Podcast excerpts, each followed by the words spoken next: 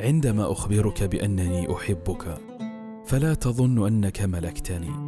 عندما أعاملك وكأنك نعمة لن أحظى بها ثانية فهذا كله احتراما لحبي لك. فلا تهني وتتظاهر بالانشغال عني لكي تحرقني شوقا. لا ترهق روحا أحبتك.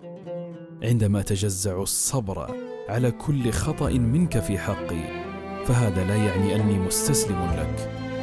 انتبه فإن للنفس كرامة تعلو على كل المشاعر.